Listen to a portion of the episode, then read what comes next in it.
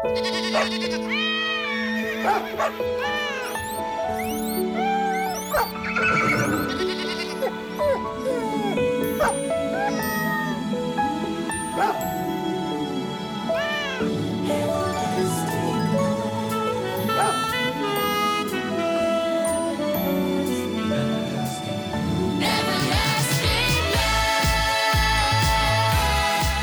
lyssnar du på hundcoachen Fredrik Sten och min podd. Och idag så ska jag och min gäst, jag alldeles strax ska presentera, grotta ner oss rejält i ett enda ämne och det är besvärliga hundmöten.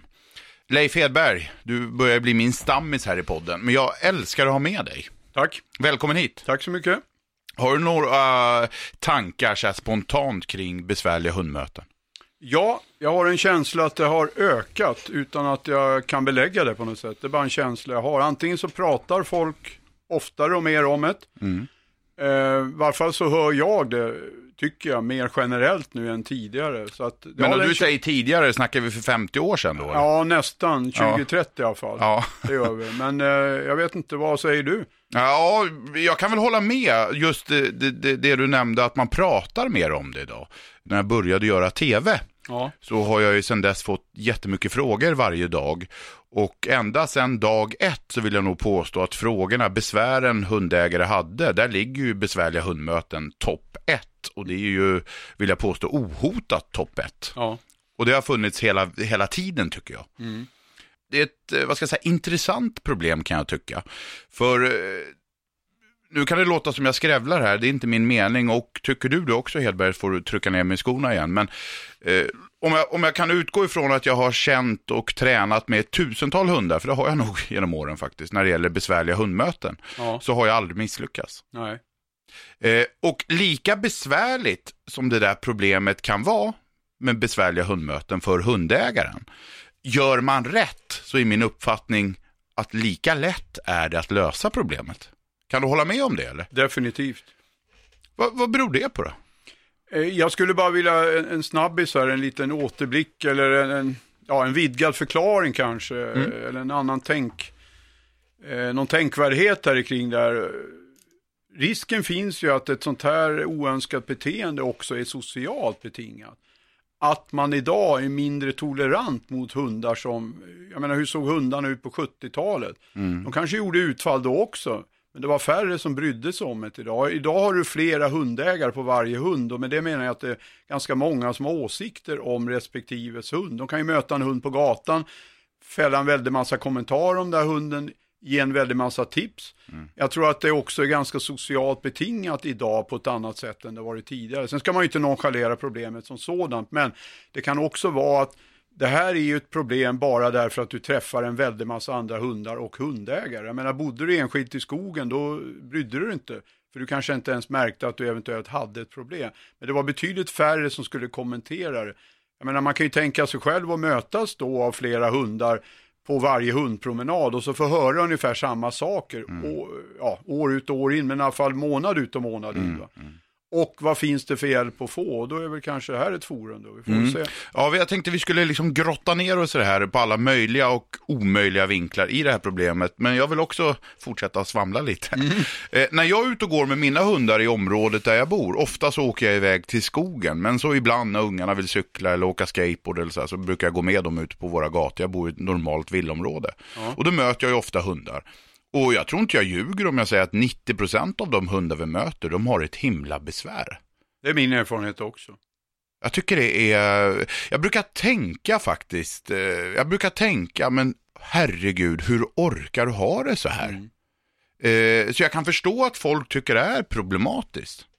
Jag var ute och gick på någon Mälarstrand igår mm. och mötte en hel del hundar givetvis. Det är mm. ett populärt vandringsstråk mm. även för hundägare där. Det var ganska intressant att studera hur de här börjar, alltså hundägarna, hur de börjar förbereda sig för mötet. Mm. En del vek ju av, alltså de gick av från den här asfalterade promenaden nere vid vattnet och gick mm. en bit upp på cykelbanan. Mm. Eller bara gick upp en bit och så väntade till jag hade passerat. Sen vände jag mig om och tittade, då gick de ner igen och fortsatte. Så att det finns ju en stor potential här i att hjälpa folk. Alltså mm. med, man undviker det här väldigt, eh, mm. ja, Det är olika givetvis, men väldigt många undviker det väldigt ofta och det är väl ett tecken på att man tycker det är jobbigt. Mm. Sen ska man ju också ha klart för sig att vi mötte ju väldigt många hundar som inte brydde sig om oss överhuvudtaget. Mm. Eh, och det är nog också vanligare in i stan tror jag. Precis. Alltså hundar som är vana med att möta.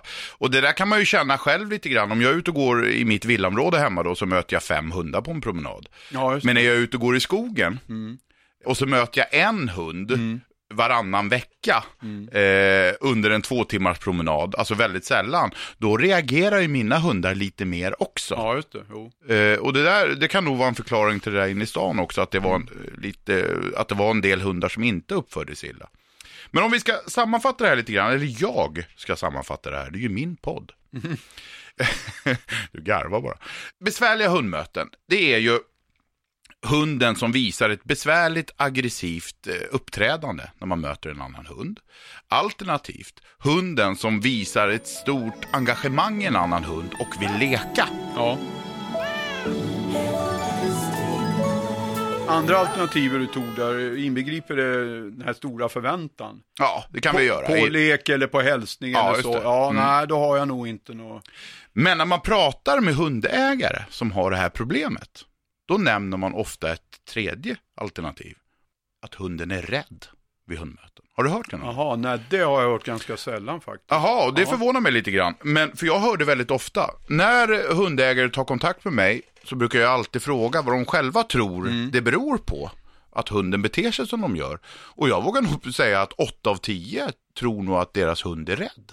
Jaha, ja du ser. Mm. Rädd eller osäker vid hundmöten, mm. därför beter sig hunden som de gör. Och eh, jag tänkte vi skulle börja där faktiskt. När det gäller just att diskutera runt mm. om hunden är rädd eller osäker vid hundmöten. Och, och där skulle jag vilja säga att det är väldigt, väldigt sällsynt att det är så? Eller vad säger du? Ja, precis. Jag, jag vill bara inflika, jag fick ett samtal idag på vägen hit faktiskt med en som hade problem med hundmöte därför mm. att hunden var så aggressiv. Det tycker jag är väldigt vanligt, att man mm. lägger det här på aggressioner. Ja, det. Eh, men det här med rädslor och det så Alltså jag har inte riktigt den erfarenheten faktiskt att det är och det kan Nej. ju säkert bero på då att det inte bottnar i rädslor mm. eller osäkerhet. Ja, osäkerhet, osäkerhet kan jag tänka mig ibland att det finns en, men inte en osäkerhet utan mer en osäkerhet inför det här äh, vana beteendet. Alltså mm. hunden är van vid att husse gör så här, matte gör så här, jag som hund gör på det här viset då har du en treenighet mm. eller tvåenighet då, som inte är optimal. Och i det här blir hunden osäker då, därför att nu händer en väldig massa saker oftast. Mm. Då. Hundägaren beter sig på det här viset, den hunden vi möter beter sig på något sätt, den hundägaren vi möter beter sig på något sätt. Och till slut så tror jag att hunden har väldigt svårt att kanalisera, analysera vad är det för någonting som händer här. Och då rinner ju det här från, alltså historiskt då, vad har hänt nu, vad har hänt nu och sådär. Ja, mm. Då får du ett beteende från hundens sida som egentligen inte speglar hundens riktigt naturliga beteende, utan det är på lite sätt ett inlärd. Han har lärt sig att mm. så här gör vi det och det har vi börjat någon gång i valptiden kanske och så där. Och så har man inte riktigt kommit till rätta med det där eller man har missförstått vad det beror på och så. Eh, men, men själva rädslor där, Ja, det är klart, viss rädsla kan ju utföra, utföra, vad heter det, utmynna i någon form av aggressivt beteende, mm. absolut. Men jag vet inte. Nej, det är bra. För jag är nämligen på din sida. Det är mm. självklart så att eh, pratar man det unika fallet någonstans ja, så finns det säkert någon hund som är rädd för andra hundar. Mm. Men jag brukar hamna precis där du hamnar, det vill säga så här att rädsla för andra hunden är det inte Nej. prat om. Däremot kan det finnas, precis som du säger, en oro inför situationen mm. för att husse eller matte beter sig så konstigt helt ja. plötsligt och därför blir hunden oroad. Men det är bra det, det glädjer mig för då kan vi nästan släppa rädslor i form av problematik vid hundmöten. Ja, tycker jag. Ja, det, och det, du som lyssnar här nu och är intresserad av det här, jag tycker du ska verkligen komma ihåg det här, för det är väldigt, väldigt sällan. Jag kan inte ens eh, minnas att jag träffar någon hund där det här besvärliga problemet skulle bygga på rädslor för den andra hunden. Nej. Bra, kom ihåg det nu, då släpper vi det. Ja.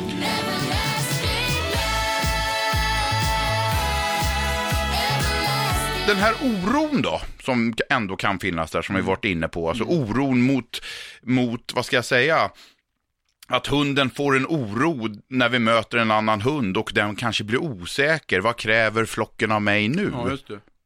Eh, vad kan vi göra åt den då? Ja, det, det, enkla svaret på det, då kan vi ju trycka på stoppknappen här direkt, det är ju mm. att inte oroa hunden och det är ju det som sker. Det blir ju, ett, som vi pratade om lite grann tidigare, det blir ju ett inlärt beteende det här, det blir mm. en väldigt ond cirkel av det här. Att, och då gäller det väl givetvis för hundägaren att hitta en trygghet i hur vederbörande ska bete sig. Och i den tryggheten då överföra det till hunden, att här är det tryggt och här är det lugnt. Jag tror också en sak som är viktig här, och det kommer säkert in senare, det är ju att inte undvika hundmöten utan tvärtom, vi ska verkligen söka upp dem där, men med struktur. Man mm. ska göra klart för sig innan att nu gör jag så här och så här. Man kanske även ska ha respekt för ett visst taktiskt uppträdande. Möter jag en hund som är ungefär en, en broder till den jag har kanske, då kanske jag inte ska gå en halv meter mellan då, utan då kanske jag ska öka avståndet där och, och gå iväg och sen jobba med någonting då förebyggande. Och där vill jag påstå att om man då jobbar medvetet med ett förebyggande arbete, då ska det gå ut på att hunden ska få klart för sig att engagerar i mig till exempel som hundägare, mm. engagerar i mig och inte i den andra hunden. Och där ska man ju också vara klar, har hunden gjort det här ja, oönskade beteendet då 10 000 gånger och så 10 001 ska jag presentera ett alternativ. Mm. Det kommer ju inte hunden att acceptera bara sådär. Men om man sakta men säkert bygger upp ett förtroende, att man ger hunden förtroende, att jag mm. överför till hunden att det här kan du, det här kan vi. Mm. Jag tror att man ofta glömmer bort viet där och så blir det väldigt mycket hunden och så håller man på med avledningar och grejer när hunden är väldigt mycket uppe i drift. Va? Mm. Vilket, eh, jag menar eftersom vi har hållit på en hel del med polishundar, där är de inte riktigt helt lätta att styra alla gånger. Nej. Därför är ju ledarskapet streck lydnaden jätte, jätteviktig. Mm. Och här är det ju ungefär likadant. Va? Det är alltså hunden väl uppe i drift och det är då den här avledningen kommer oftast att ske. Mm. Vilket ju ger ett nollresultat. Det funkar inte. Och det har ju, tror jag, de flesta lyssnare erfarenhet av. Alltså måste man ta tag i det här långt tidigare och eh, då skulle jag ju önska då att en väldigt enkel övning, mm. och det är ju den här eh, SITT, SIT. Mm. Om man lär hunden den på ett väldigt bra sätt, det vill säga att man undviker en massa repriser. Du lär hunden hela kommandot sitt, mm. att han kan det här, jag får säga upp och ner. Alltså mm. det, det, ska inte spela någon roll vad du är, du vänder ryggen till hunden, sitt, äh, hunden sätter sig inte ner. Jo, Hunden kan inte sitt. Erkänn det för dig själv och så bli lite mer ivrig, lite mer ihärdig att träna det här. Lär hunden det här kommandot när du är ute på gatan också. Mm. Inte när du har hundmöten, inte när barnbarnen kommer och hälsar på, inte när du ska ut och leka, ut och springa, utan i lugn och ro. Och Så oavsett, jag kliver in här, mm. oavsett i vilken situation du säger sitt till din hund, så ska hunden sätta sig. Absolut. Mm. Och gör den det då, ja då har du ju, om inte hela problemet, men en mycket stor del av problemet är ju löst det, därför mm. att då mm. kommer hunden att sitta. Om du sen då lär hunden att vid ögonkontakt, stäng mun ögonkontakt, då betalar det sig på något mm. sätt. Då får han en godbit till exempel, vilket ju är väldigt bra i det här sammanhanget. För boll och det kan ju vara lite att man drar upp hunden mm. istället för tvärtom, lugna ner den. Va? Mm. Om man kan etablera ett sånt här beteende, då är ju, vill jag påstå, då är det inget problem längre. Men, och då är det säkert många som säger, ja det där har jag prövat, det fungerar inte. Nej, då vill jag ju säga emot där. Mm. Det fungerar visst. Ja, det, det, som gör att det inte fungerar, det är att vi har fastnat i repriser. Och vad menar vi? Och jag brukar säga det ibland, för det här, det här resonemanget, man pratar om besvärliga hundmöten, det finns ju liksom tusen angreppsvinklar på det här. Men det är ju intressant det här med sitt övningen då, som jag brukar kalla den för, sittövningen. Mm. Det är ju det att jag brukar säga till hundägare så här, tänk så här, strunta i om hunden blir engagerad i den andra hunden. Mm. Ställ krav på sitt. Precis. Och då hamnar fokus lite lättare på något sätt. Mm. Att ja, ja, men eh, om din hund är tokig och rabiat, låt hunden vara det, bara den sitter ner. Mm. För det hänger ju inte, alltså ska den sitta så kan den inte vara tokig och rabiat så att säga. Och, och kan det vara här problematiken blir lite grann för hundägare som vill lösa det här problemet? Att de har svårt med vad ska jag säga, man förhandlar med sig själv, man har svårt med gränssättningen här så att säga. Vad är okej okay att hunden gör, vad är inte okej okay att hunden gör? Kan det vara därför problemet är så svårt att lösa för många tror du? Du vet, jag brukar ju använda, jag har ett favorituttryck här och det är att våga vara hundförare. Alltså våga mm. kliva in och, och, med det menar jag då våga säga nej, våga sätta gränser. Mm. Att, så här gör vi inte nu helt enkelt. Nej. Och då, då, då får man ju angripa det, för att det är precis som du säger, jag menar sätter sig hunden ner där och och han sitter kvar där, då engagerar han sig inte i en annan hund. Därför Nej. att hunden kan ju bara bearbeta en retning i taget. Kommer mm. en annan hund, vad har han något att välja på? Mm. Ja, då väljer han ju det som är mest fördelaktigt för sig själv. Man kan inte göra två saker samtidigt. Nej. Och därför menar jag på, jag delar helt din uppfattning, att få hunden att sitta ner, vilket är väldigt enkelt i den här poddstudion, mm. betydligt svårare ute på gatan.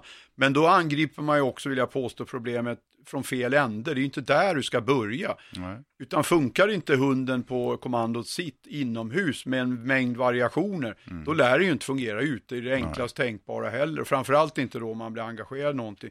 Så det kan man väl ta åt sig av, att jobba eh, inifrån och ut. Mm. Börja i köket lugnt och stilla och lär hunden bara att sitta ner när du säger SITT. Mm. Jag menar, de flesta lär ju en 8-10 veckors valp att sitta. Mm. Men sen går man ju inte vidare, sen är han ju 8 månader, då håller man ju fortfarande på och sträcker fram en hand med godis i och man positionerar sig sådär hela tiden. Mm. Hunden har ju bara en enda uppgift och det är att sätta sig när du mm. säger SITT.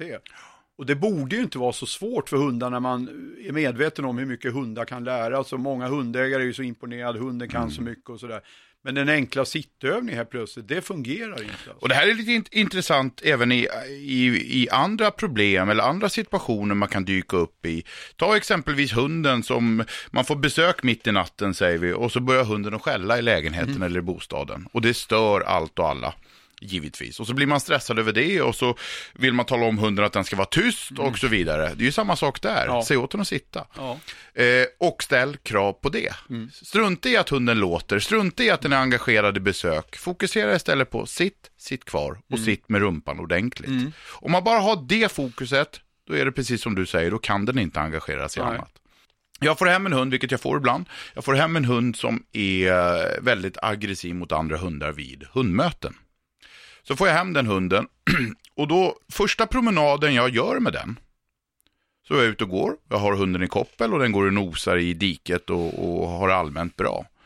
När första hundmötet vi har tillsammans dyker upp, då gör jag ingenting. Utan jag fortsätter att gå. Mm. När hunden ändrar fokus, det vill säga ifrån att mm. nosa mm. i diket till att helt plötsligt, kanske på 50 meter ja. till den andra hunden, eh, slutar att nosa för att mm. titta på den hunden vi möter. Där går jag redan in och säger nej, vad gör du för någonting? Det där är inte okej. Okay. Du förstår vad jag vill komma. Man, ja. man, man är väldigt tidig mm. in i det här bekymret. Eh, och det tror jag också är väldigt, väldigt viktigt. Att man blir, vad ska jag säga, nästan så jag blir förvånad eh, över hunden. Vad gör du för någonting? Ja, just det. Mm. Och då kommer vi in på det där igen som jag, är, jag har skrivit ganska mycket om också. Det är den här målbilden man har. Hur ska mitt hundmöte se ut? Vad är det jag mm. vill själv? Mm. Eh, vad, vad, vad, vad vill jag att min hund ska göra vid hundmöten? Vad har jag själv för målbild? Och så vidare. Det måste ju också vara väldigt viktigt. Annars, måste, annars är det ju svårt att dressera.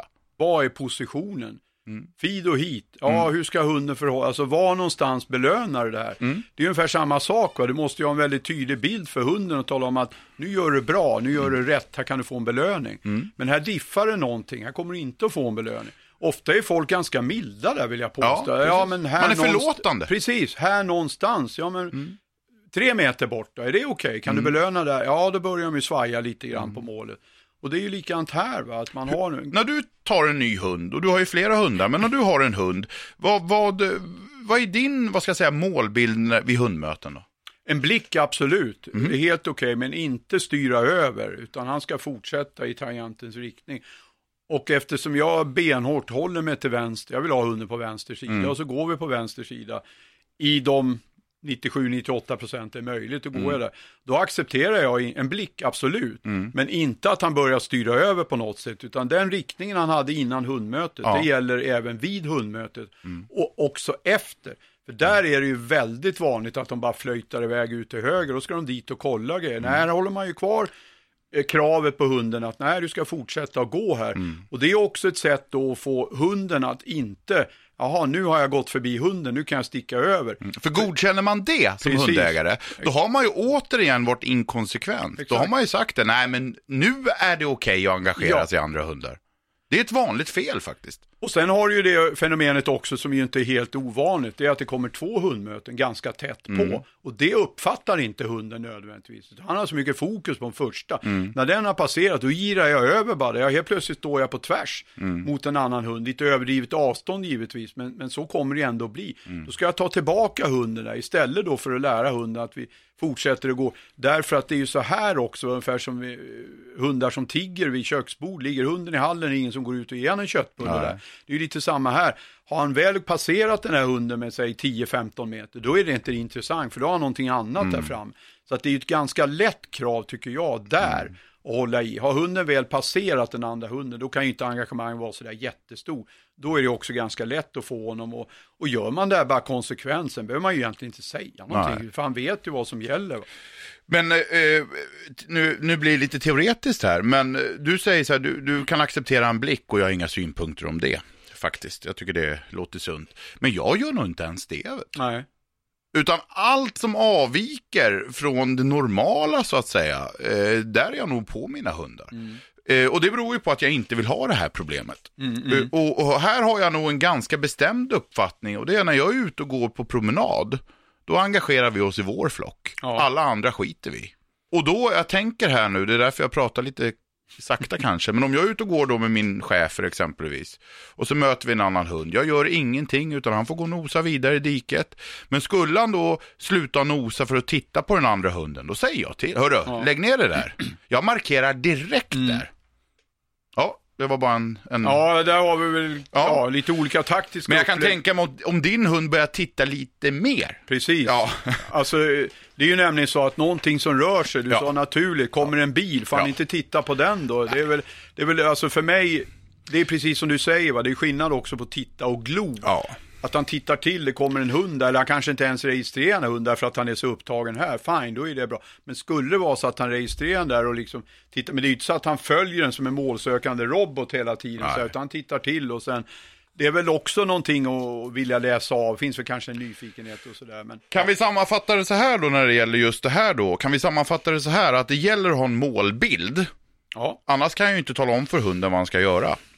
Eh, vet inte jag vad jag vill av hunden, då kan vi ju inte föra över det på hunden. Eh, det kan vi vara överens om. Och sen då att man ska agera tidigt, inte vänta på att hunden eh, gör massor med fel, utan gärna man tar kommandot innan mm. allting har skett. Ja. Där brukar jag prata om en skala också för övrigt. Eh, en skala från 1 till 10. Mm. Och det gäller ja. egentligen alla, all dressyr, all träning av hunden. Där 1 är att hunden är normal. 10, då är hunden som ett monster. Mm, ja. Och ju tidigare den, du agerar på den här skalan, desto lättare har du att nå hunden. Eh, med belöningar, med avledningar eller vad det nu kan vara för någonting. Håller du med om det? Absolut. Mm. Jag tycker det är en bra förklaringsmodell också, där 1 till 10. Och då kan man säga det att 1 då, då går hunden och nosar i diket. 2, ja. då slutar hunden att nosa mm. för att det kommer en hund. 3, hunden går upp i diket. 4, hunden börjar bli stel i kroppen. 5, hunden börjar ragga lite och så vidare. Mm. Det är ju så det går till. Och ju senare man är på den skalan, desto större förlorare är man. Precis. Så kan man säga.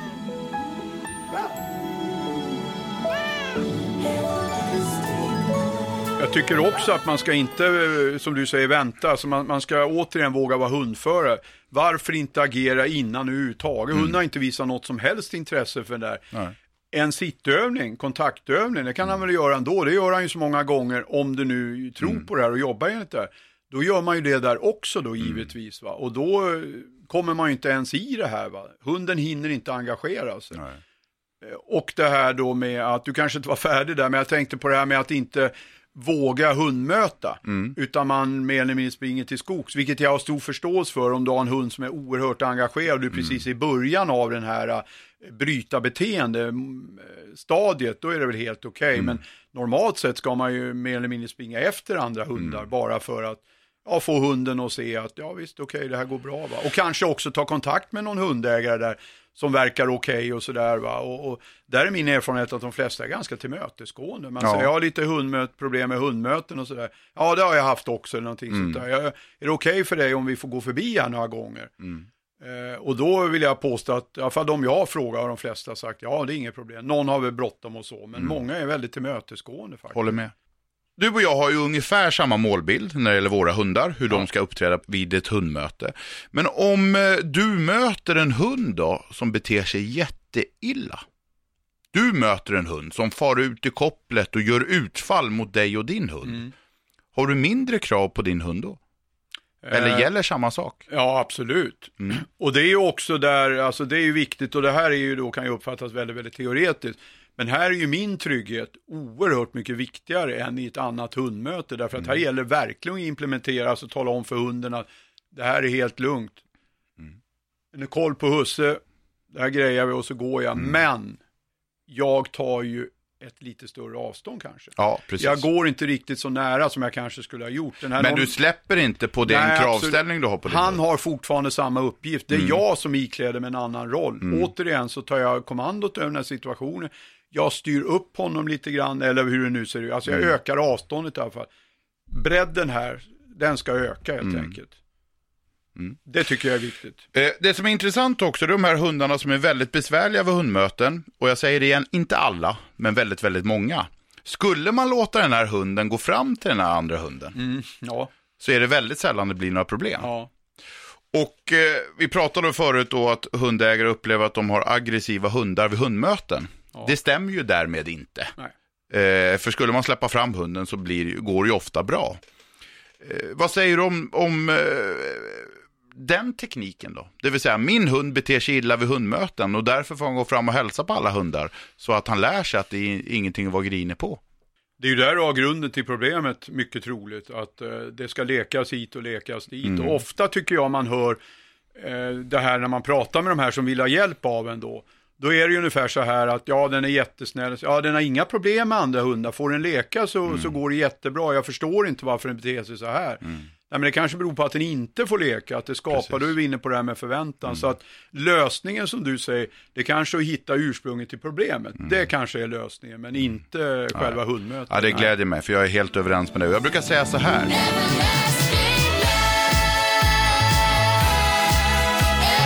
Jag ska måla upp en liten saga här många gånger hur den här hundmötesproblematiken har startat. Ja. Jag får hem en liten valp. Jag är ute och går på min promenad med min lilla valp och jag är överlycklig över det att jag har en liten hund. Och så möter vi en annan hund på promenaden. Eh, så stannar vi upp och pratar lite med den andra hundägaren och jag ser på min valp att den är lite oroad över det här. Den gömmer sig lite bakom mig och piper och gnäller lite. Och vilket är naturligt, för det är en liten valp som är ute och går och möter en annan flock. Ja. Då säger den andra hundägaren, men min hund är så snäll, kan de inte få mm. hälsa lite? Och så redan från början lär jag mig min lilla valp att, ja, gå fram och hälsa, engagera dig i mötande hundar. Ja. Och det här blir då bra. Och det här blir bättre gång för gång för gång. Mm. Ganska snart har min valp, börjar min valp att vifta på svansen när vi möter andra hundar. Och vill fram på ett trevligt sätt och hälsa på den andra hunden. Sen när valpen blir äldre och äldre och äldre så börjar man inse att det här går ju inget bra. Jag måste ju kunna röra mig ifrån A till B utan att stanna och hälsa på alla hundar överallt. Så för första gången i hundens liv så säger jag nej, nu går vi vidare. Och då går vi vidare utan att valpen får hälsa på andra hundar. Och då byggs en liten frustration. Eh, av förväntan av att hälsa på allt och alla så bygger man en frustration i hunden. Och när hunden, nu hoppar jag lite annars blir det för långt, när hunden då är 15-16 månader så har frustrationen växer så stark så hunden skriker varje gång vi möter en annan hund. Jag vill hälsa, jag vill hälsa, jag vill engagera mig. Och det är det vi uppfattar som aggression. Mm. Håller du med om det? Absolut, mm. jag delar helt. Och där hamnar man ibland i diskussion med hundmänniskor om det, hur viktigt det är att socialisera hunden. Mm. Och där tror jag du har precis likadana erfarenheter. Jag menar, den hunden jag har nu, han, han leker ju inte med några andra hundar med dina. Nej. Det är de enda han träffar. Ja, så bor han ihop med någon hemma i och för sig. Ja. Men alltså han, han träffar ju allt, får aldrig leka med några andra hundar. Har inga som helst problem med andra hundar. Det styrs ju inte bara av det. Det var ju likadant min förra hund som du väl kände. Det var ju likadant mm. för honom. De enda hundar han lekte med, det var ju med dina. Eller lekte gjorde han kanske, men de enda han umgicks med, det var ju Medina, han hade inga som helst problem med andra hundar. Nej. Totalt.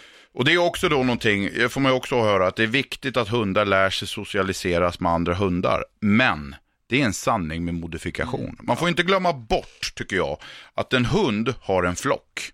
I, den flocken består av hundens familj. Ja. Där ska man socialiseras. I flocken ska hundarna lära, hundarna och människorna som bor tillsammans ska socialiseras med varandra och lära sig platser och regler och så vidare. Men det är en feltänk att tro att en hund ska socialiseras med helt främmande hundar som de aldrig kommer att träffa igen.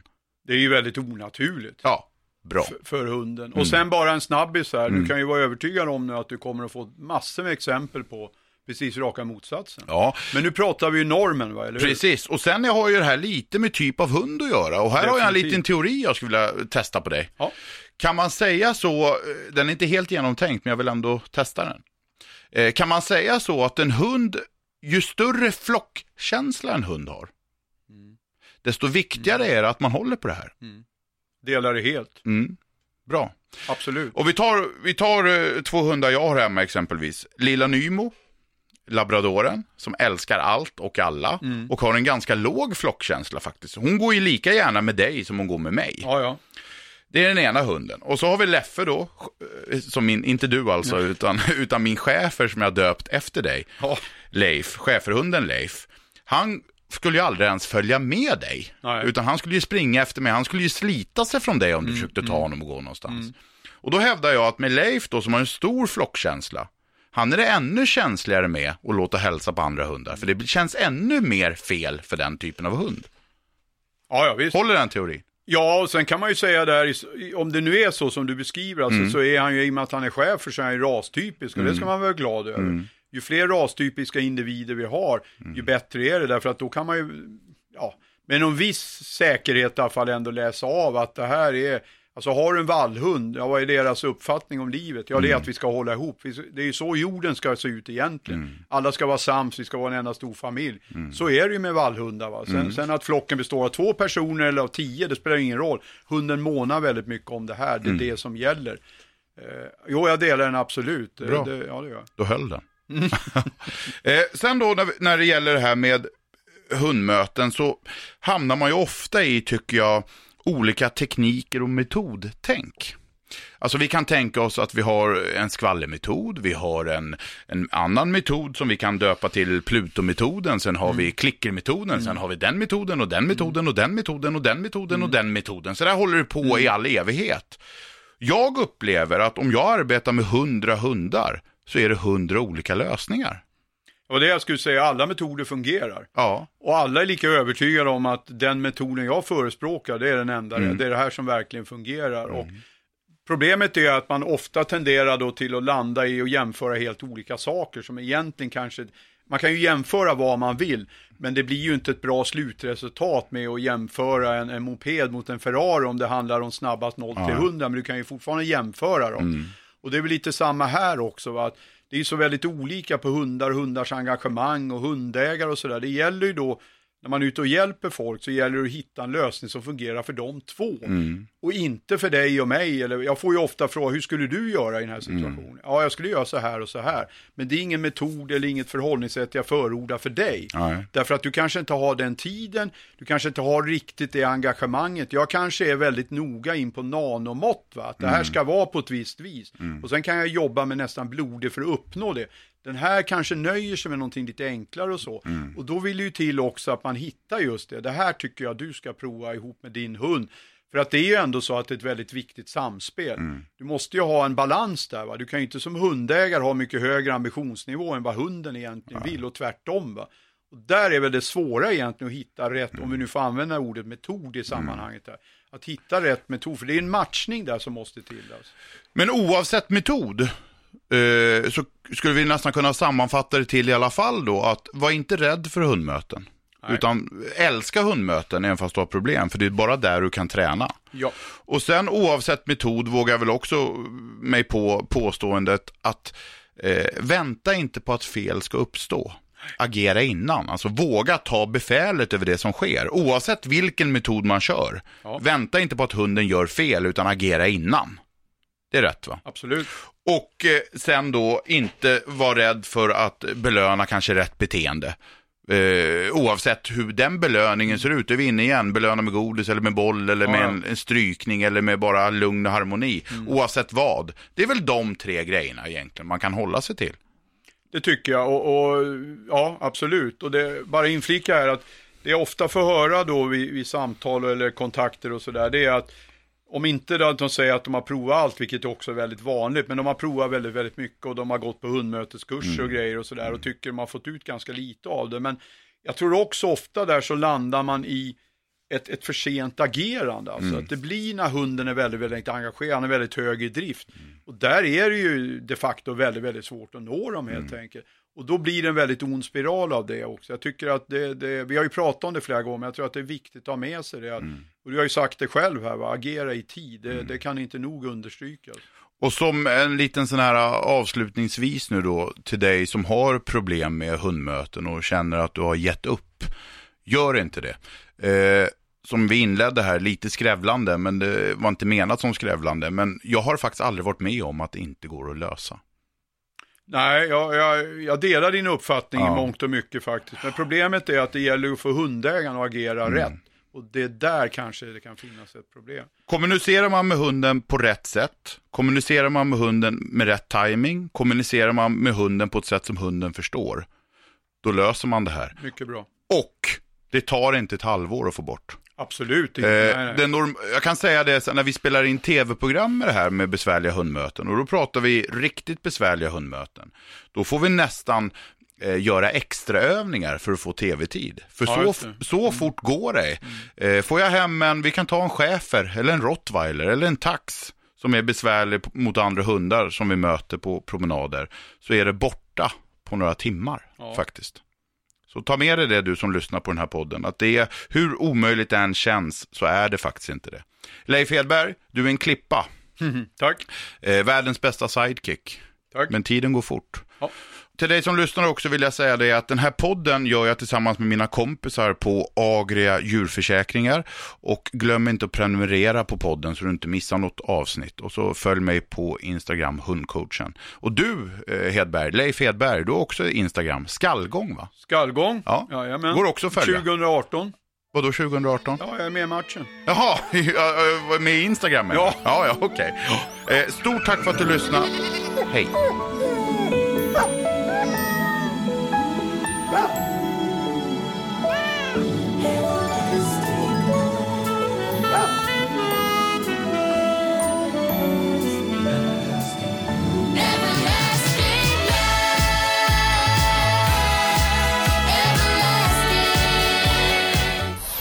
here's of I Like Radio. I Like Radio.